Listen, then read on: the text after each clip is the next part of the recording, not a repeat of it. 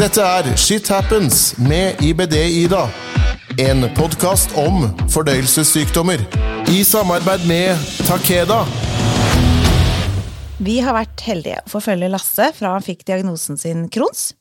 Nå er det en god stund siden sist han var innom, og i dag er han her igjen for å gi oss en oppdatering. Velkommen tilbake, Lasse. Takk.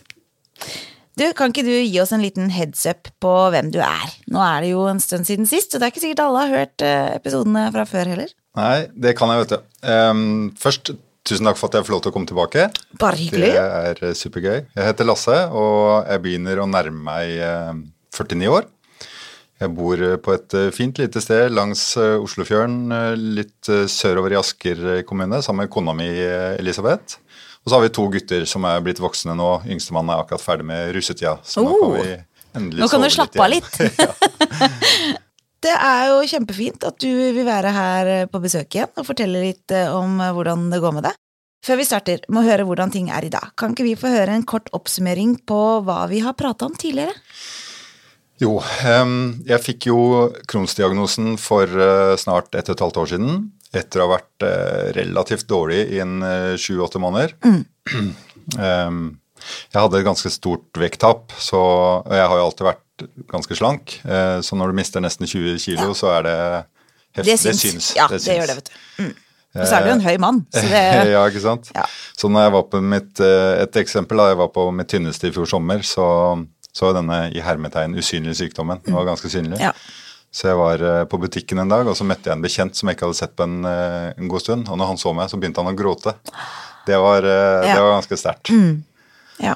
Men etter at jeg starta på behandling i august i fjor, så, så har det gått veldig, veldig mye bedre. Mm. Og jeg har lagt på meg de, alle de kiloene jeg tapte, er tilbake til normalen igjen, da, sånn fysisk sett. Mm. Så Så det er deilig. Det er jo kjempebra.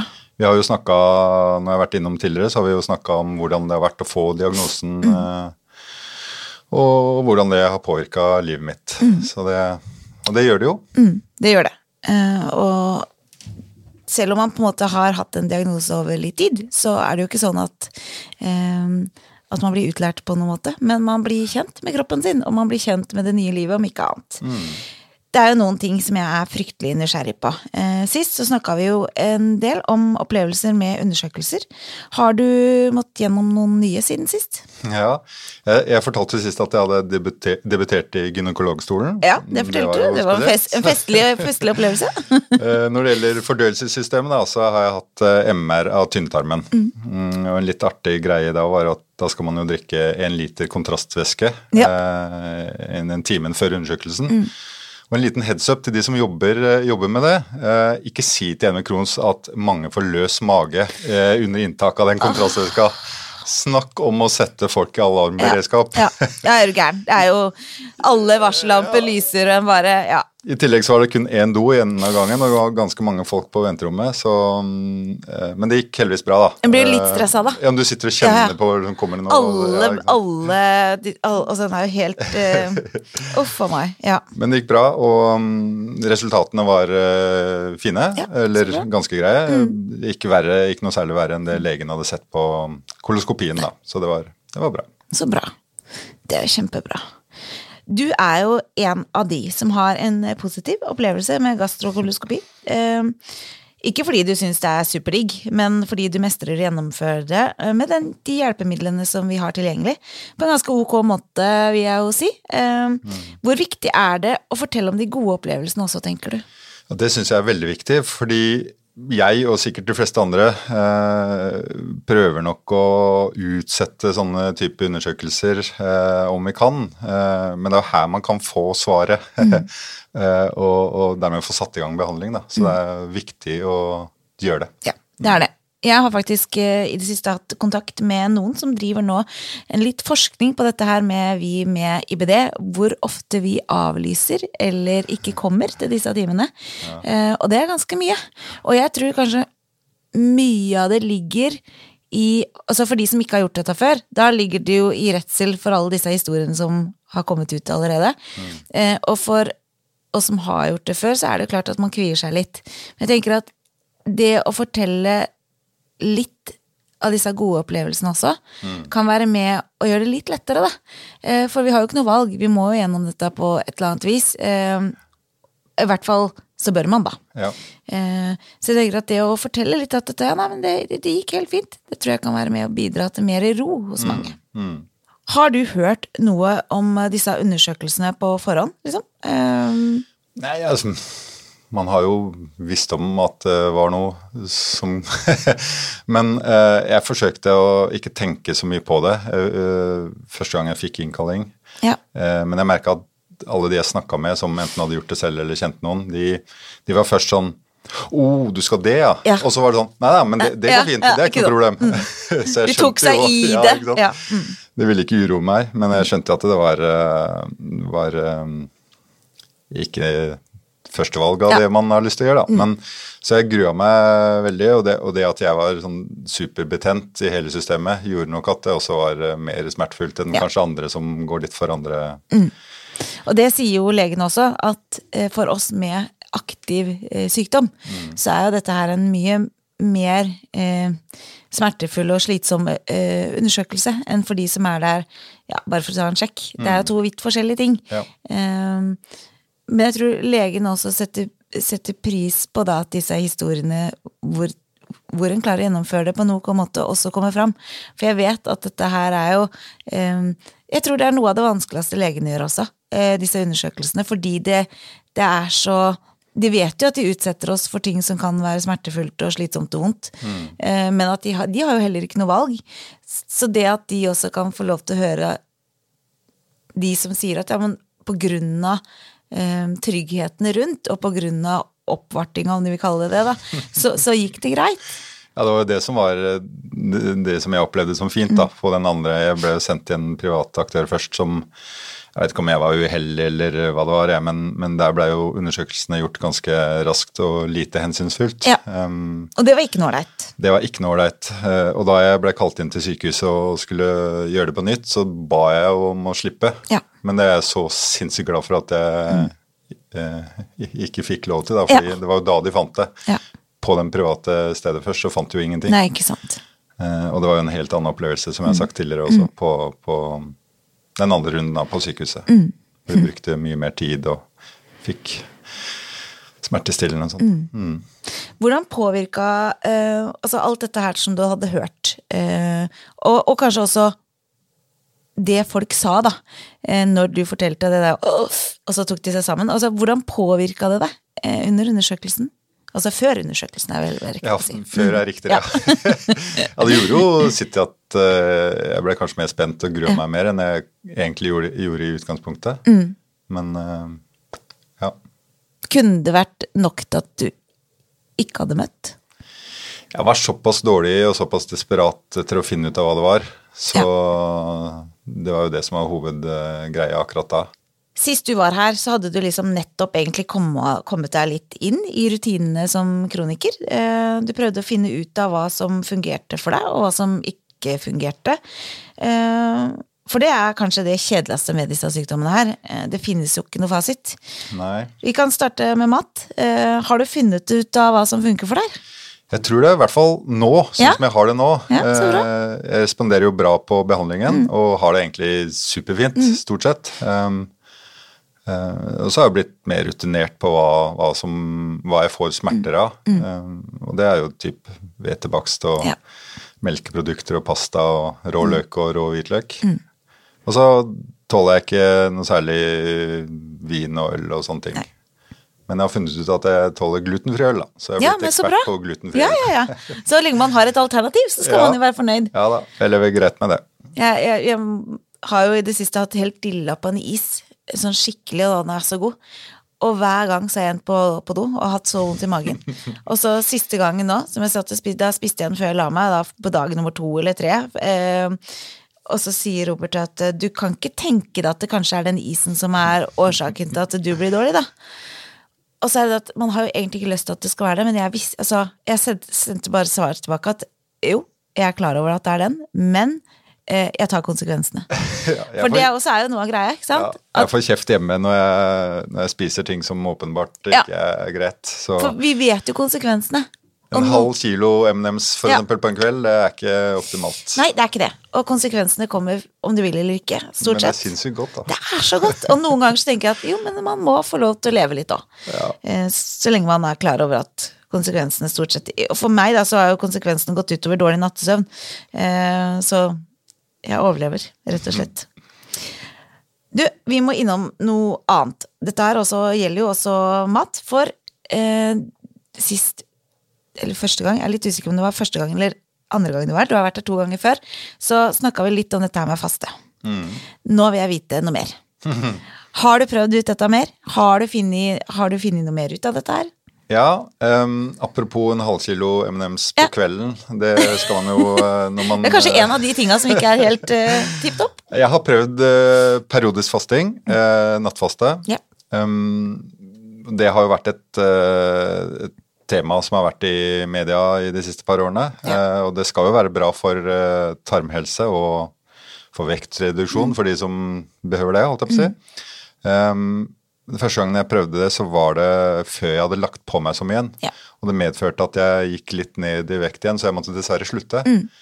Men nå har jeg store planer om å komme i gang igjen. Men det er den impulskontrollen Mm. Ja. og den, eh, de vanene på kvelden som eh, er litt vonde å Kjenner igjen den der, altså. Ja, Nei, den der etter man har satt seg for kvelden, da er det lett å putte noe i munnen. ja, det er det. Tenker du at det kan ha noe for seg? Ja, absolutt. Mm. Um, som sagt, man må ha selvdisiplin, Mm. uh, og der har jeg litt å jobbe med, men det er helt åpenbart at det er bra for tarmen. Mm. Sånn jeg ser det, i hvert fall.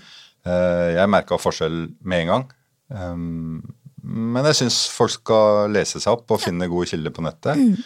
Jeg anbefaler å følge Marit Kolby på Instagram.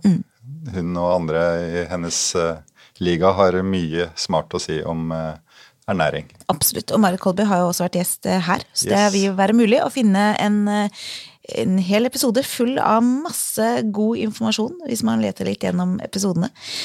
Og konklusjonen din da er at dette her er noe som kan funke, hvis man har selvdisiplin. Ja. Ja. man må bare finne den først. ja. Har du funnet ut noe annet da med mat som ikke funker? Du snakket, eller som funker og ikke funker. Du sa jo litt om dette med hvetebakst, men har du funnet ut noe som funker bra, da? Ja, altså, eh, Da jeg fikk diagnosen, så sendte jeg faktisk en melding jeg på Instagram til eh, Marit Kolby Ja. eh, og spurte om hun anbefalte, fortalte at jeg hadde fått diagnosen, Mm. og spurte om hun kunne anbefale noe. Og, og foruten nattfasting så anbefaler jo hun dette med å unngå ultraprosessert mat ja. og bruke rene råvarer. Eh, og så eh, hadde hun også noen andre tips eh, i forhold til ernæring eh, og inflammasjon, da, hva som hjelper Mm. mot inflammasjon. Eh, så det er jo det å lage mat fra bunnen av, bruke Mm. rene råvarer. Det har egentlig vi vært relativt gode til fra før av, men, ja. men det, er- det, jeg tror det er kjempesmart. Og det tror jeg nok du har eh, rett i. Eh, og, og så er det det der med å finne sin eh, ja, sin greie, da. For det er jo som vi har snakka om, og som vi aldri får sagt nok, det fins jo ikke noe fasit. Det som funker for deg, funker ikke nødvendigvis for meg, og omvendt. Så her må man rett og slett leite litt fram på hva som går greit for deg å spise og ikke. Og en annen ting, det er jo, og det snakka Marit Kolby litt om også, det er jo det som fungerer i dag, er ikke sikkert fungerer i morgen. Nei. Og det er jo en litt sånn greie som um, jeg tror mange kanskje kan gå glipp av mye bra mat på. Fordi de blir dårlige av mat én gang, og så lar de være å spise det igjen. For de tenker at nei, da tåler jeg det ikke. Eh, og det er jo litt trist, for det er jo ofte så kan det være andre årsaker til at man ikke tålte den, at det skal være i hvert fall for evig, da. Ja, det er sant. Og så har det jo sikkert sammenheng med hvor du er i eh, remisjonen og, og i, i behandlingen òg. Nå har du hatt eh, sykdommen over litt tid, og du har kanskje falt kanskje litt mer til ro med, med den. Eh, Er det noen settinger som du kjenner usikkerhet? Altså, akkurat nå så er det såpass bra, jeg har såpass kontroll på hva mine tålegrenser er. Ja. Um, så jeg, um, jeg føler at det går fint, og jeg gleder meg til sommeren og Ja, for den kommer jo nå. Ja, for det er, ikke sant? det er grill, det er festmåltider, det er alkohol. Alt dette her er jo ting som i utgangspunktet kan være utfordrende.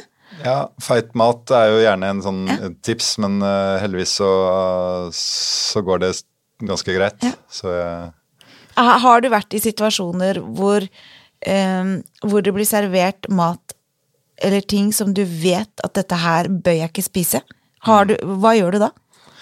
Da spiser jeg det som regel ikke. Nei, det er ikke sant at du spiser og tar konsekvensen av Det, det. har, jo, det, har- det, har jo hendt. Ja. Men hvis det er sånn at Og jeg liker ikke å være den særingen som eh, skal ha ekstra oppvartning. Nei, jeg skjønner det.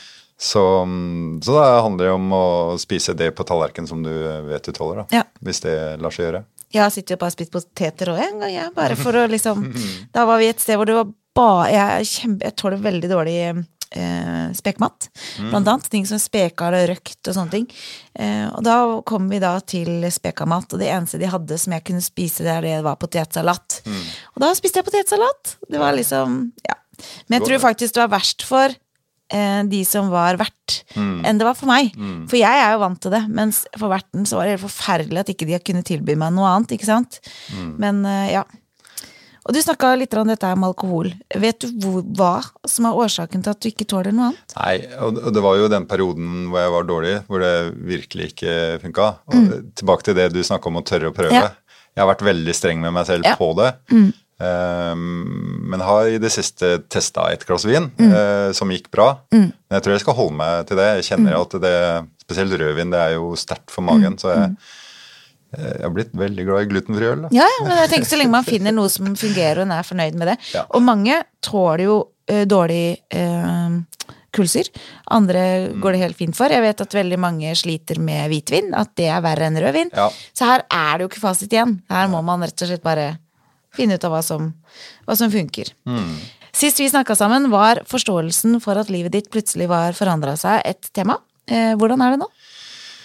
Jo, altså etter at jeg starta på behandlingen så, og ble bedre, så fikk jeg faktisk en liten sånn psykisk eh, knekk. Ja. Fordi da det at jeg ble bedre, gjorde at jeg ble mer lei meg over å tenke på at det var midlertidig. Eller potensielt Mm. Ja, var jeg skjønner veldig godt hva du mener. Så jeg hadde en periode i fjor høst hvor det var eh, litt vanskelig å finne lykkefølelsen. Mm. Ja. Mm, Men nå har det gått bra såpass uh, lenge, uh, og jeg føler meg jo nesten helt frisk. Mm. Eh, og det føles jo veldig godt at eh, sykdommen ikke er nummer én på agendaen hver dag. Men er det sånn at du går og, og er redd for smellen? Er den i bakhodet? ja, liksom? den er i bakhodet.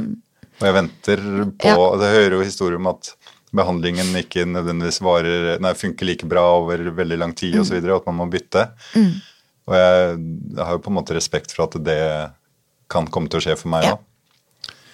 Og jeg har veldig forståelse for det. eh, Og sjøl så kjenner jeg veldig igjen den følelsen du snakker om. Eh, Bare enkle ting som når vi er i Italia på sommeren, så har jo jeg da to-tre uker hvor jeg er så å si frisk. Mm. Og det er før jeg drar, så er det liksom både og. For jeg gleder meg fryktelig til de to ukene, men så gruer jeg meg til å komme hjem. For jeg vet at når jeg kommer hjem, så blir det ti ganger hardere. Fordi da har jeg kjent på å være frisk, og da blir det så ekstremt tøft å skulle kjenne på å ikke være det lenger. Ja. Så jeg, jeg forstår følelsen din veldig godt. Jeg tror veldig mange kjenner seg igjen i det du sier også.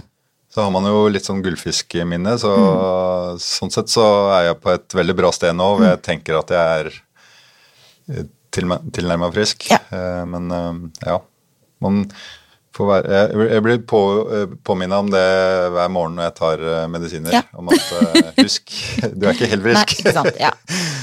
Tror du at det, det at du er så frisk utapå, da, kan være med på at det er vanskelig å forstå at du kan trenge noen tilpasninger? Altså hvile eller andre hensyn i hverdagen? Ja, det er jo det. Eh, Det er ikke så mange hensyn som tas av de rundt meg lenger. Nei. Eh, Og det er jo tross alt bra, da. Det er jo det, det, det jeg vil. Ja, selvfølgelig. Eh, men man får bare passe på å sette de grensene man selv trenger, da. Mm. Og det er ikke alltid like lett i en hektisk hverdag. Det er ikke det. Ja, og bare sånne enkle ting som det der med å eh, Når man ser frisk ut og skulle passe på at man får Den kjenner jeg i hvert fall på. Nok hvile. På en måte som ikke skal gå utover andre, og dårlig samvittighet. ikke sant? Den biten her, det syns jeg kan være vanskelig. Og så snakka vi også en del om redselen for framtida. Eh, det var noe du var ganske tydelig på sist. Eh, eller det er mer riktig å si at redselen for det ukjente, ikke sant? det at du ikke vet hva som kan komme til å skje, det vi var litt inne på det nå også, fortsatt like relevant.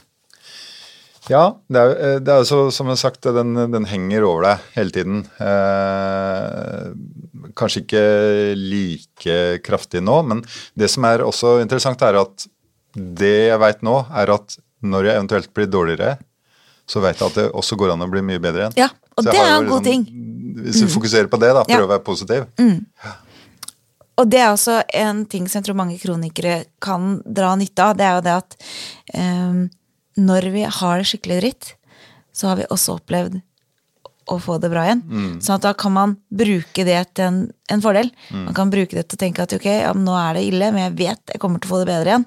Og så har man den gulrota der framme for å kjempe seg opp igjen, den der kjempetøffe kampen. Ja. Men ja, det er eh, fullt forståelig at man kan kjenne på den derre eh, ja, redselen for det ukjente som ligger der og bare Og så vet man ikke når det skjer. Man vet ikke om det skjer heller, for den sant. sakens skyld. Og så har du en jobb da, som du liker godt, og du har mye ansvar. Det er jobbreising, det er møter. Og du uttrykte også tidlig bekymring for om du kom til å kunne mestre jobben eh, som kroniker. Men nå har du jo prøvd dette en stund. Hvordan har det gått? Har du jobben din fortsatt? Eller Ja, har du gått har det. byttejobb? Eller, ja? Det går bra, altså. Det er det? jo uh, blitt uh, faktisk enda mer ansvar siden Ja. sist vi snakka sammen. Og med nye danske eiere og økt press og stor nordisk satsing osv., så, videre, så er det egentlig helt ellevilt at jeg sitter her i dag og gleder meg til alt som skal skje framover. Ah, jeg er så takknemlig for at jeg klarer å stå i det. Mm. eh, Og at behandlingen hjelper meg da, til å kunne ha den jobben. Mm. For jeg tror ikke jeg kunne det uten den behandlingen jeg får. Hvor viktig er jobben for deg? Den er veldig viktig. Ja. Den er jo, det er jo det å kunne ha glede seg, stå på hver morgen og Mm. glede seg til å gå på jobb. Det er noe alle som gjør det, selvfølgelig digger. Mm. Og ja, jeg er superglad for det. Det jeg skjønner nyter, eh, nyter hver dag. Du har jo blant annet takla reising, eh, stress, uvant mat. Alt dette er jo liksom verstingene for oss med en IBD-diagnose. Føler du at du har full kontroll? At dette her er noe du fikser? Jeg passer jo på og tar de hensynene jeg kan når, jeg, når, det, når det stormer, holdt jeg på å si. Mm. Eh, men det er jo litt kjedelig Dette er miniting, da, egentlig i den store sammenhengen, men det er jo litt kjedelig på kundemiddag, f.eks. Ja. å være han som ikke blir med på den og den menyen Jeg skjønner og det den og veldig den godt, ja. Mm. vinpakka, og må ha særbehandling. Det føler jeg litt på. Men det, det, det, jeg forklarer jo bare hvorfor, jeg, Ja. så funker det greit, det. Jeg tror åpenheten der kan være med på å gjøre det lettere. Ja. Så brukte jeg for første gang uh, handikap Jeg fikk jo sånn handikapkort eh, til toaletter. Eh, og på flyplassen i København eh, her for et par uker siden så var det kø. Og så tenkte jeg da sniker jeg meg inn Ja. på handikaptoalettet. Men det å liksom være dresskledd, eh, oppegående, frisk mann som kommer ut derfra, og med de blikkene Det, det føltes Kjente ikke det. så godt, nei, altså. Nei. Og det er det veldig mange som sier. Og det er jo eh, også noen som har fått altså, direkte kjeft eh, for å bruke disse doene. Men det er jo ikke sånn at de er laga for de med rullestol. Det er jo, men, men jeg tror det er mange som har den oppfatninga at man eh, har du ikke en usynlig sykdom sjøl, eller kjenner noen som har det, så får du, er det kanskje vanskelig å forstå behovet for å, å måtte bruke den, da, selv om man går i dress, eller selv om man ser helt vanlig ut. Ja. Uh, og det er jo det som gjør det vanskelig for folk å forstå. Sant? At dette syns jo ikke utapå. Så med andre ord, behandlinga har absolutt bidratt til at du har det ganske bra, da, eller?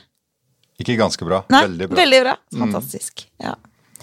Er det noe du nå skulle ønske du hadde hatt mer informasjon om, eller som du skulle ønske du hadde gjort annerledes den første tida som nå, da, som du har blitt en litt mer erfaren kroniker? Ja, det er jo litt vanskelig. Dette er en sykdom som har individuelle forløp, Mm. eh, så jeg veit jammen ikke om det er noe som kunne vært annerledes. Altså. Ikke etter at jeg fikk diagnosen, i hvert fall. Nei, det er jo kjempebra. Men er det noen ting du føler deg usikker på nå, da?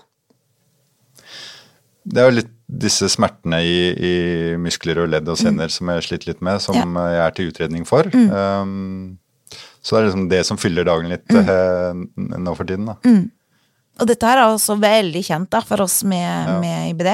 Og vi snakka litt om det før vi gikk inn, og det er klart at eh, dette med å ikke nødvendigvis skulle finne en diagnose med en gang, er jo også veldig kjent. Eh, Mange går jo årevis før de får noen diagnose på det, og får bare den, ja, nei, men det hører med til IBD-diagnosen.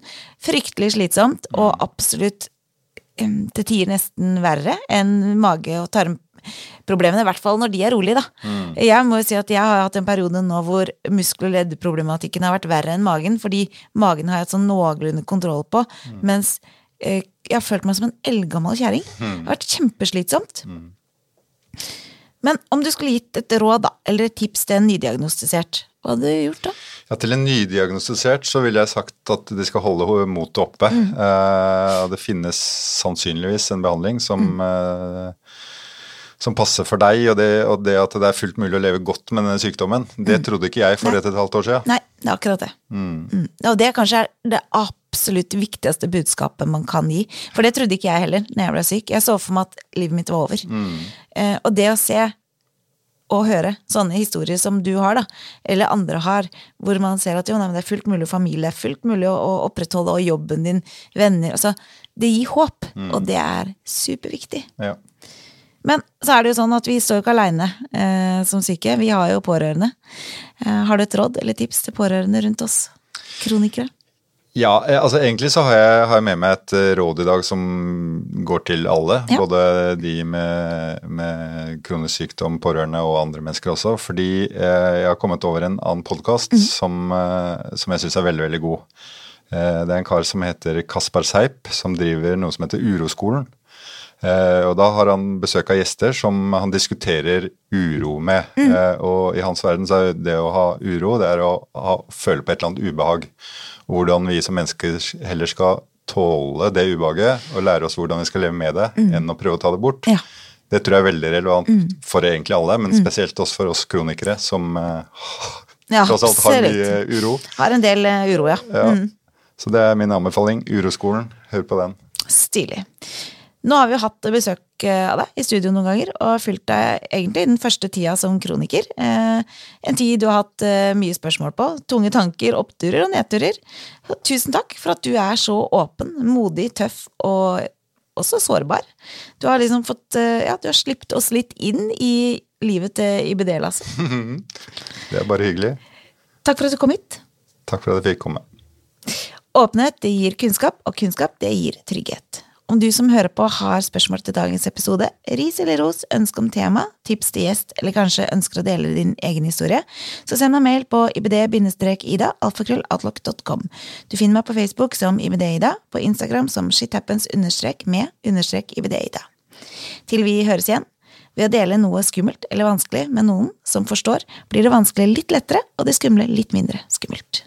Og ikke minst tusen takk til eh, datteren min, tekniker Elida. Du hørte Shit Happens med IBD-Ida. En podkast om fordøyelsessykdommer. I samarbeid med Takeda.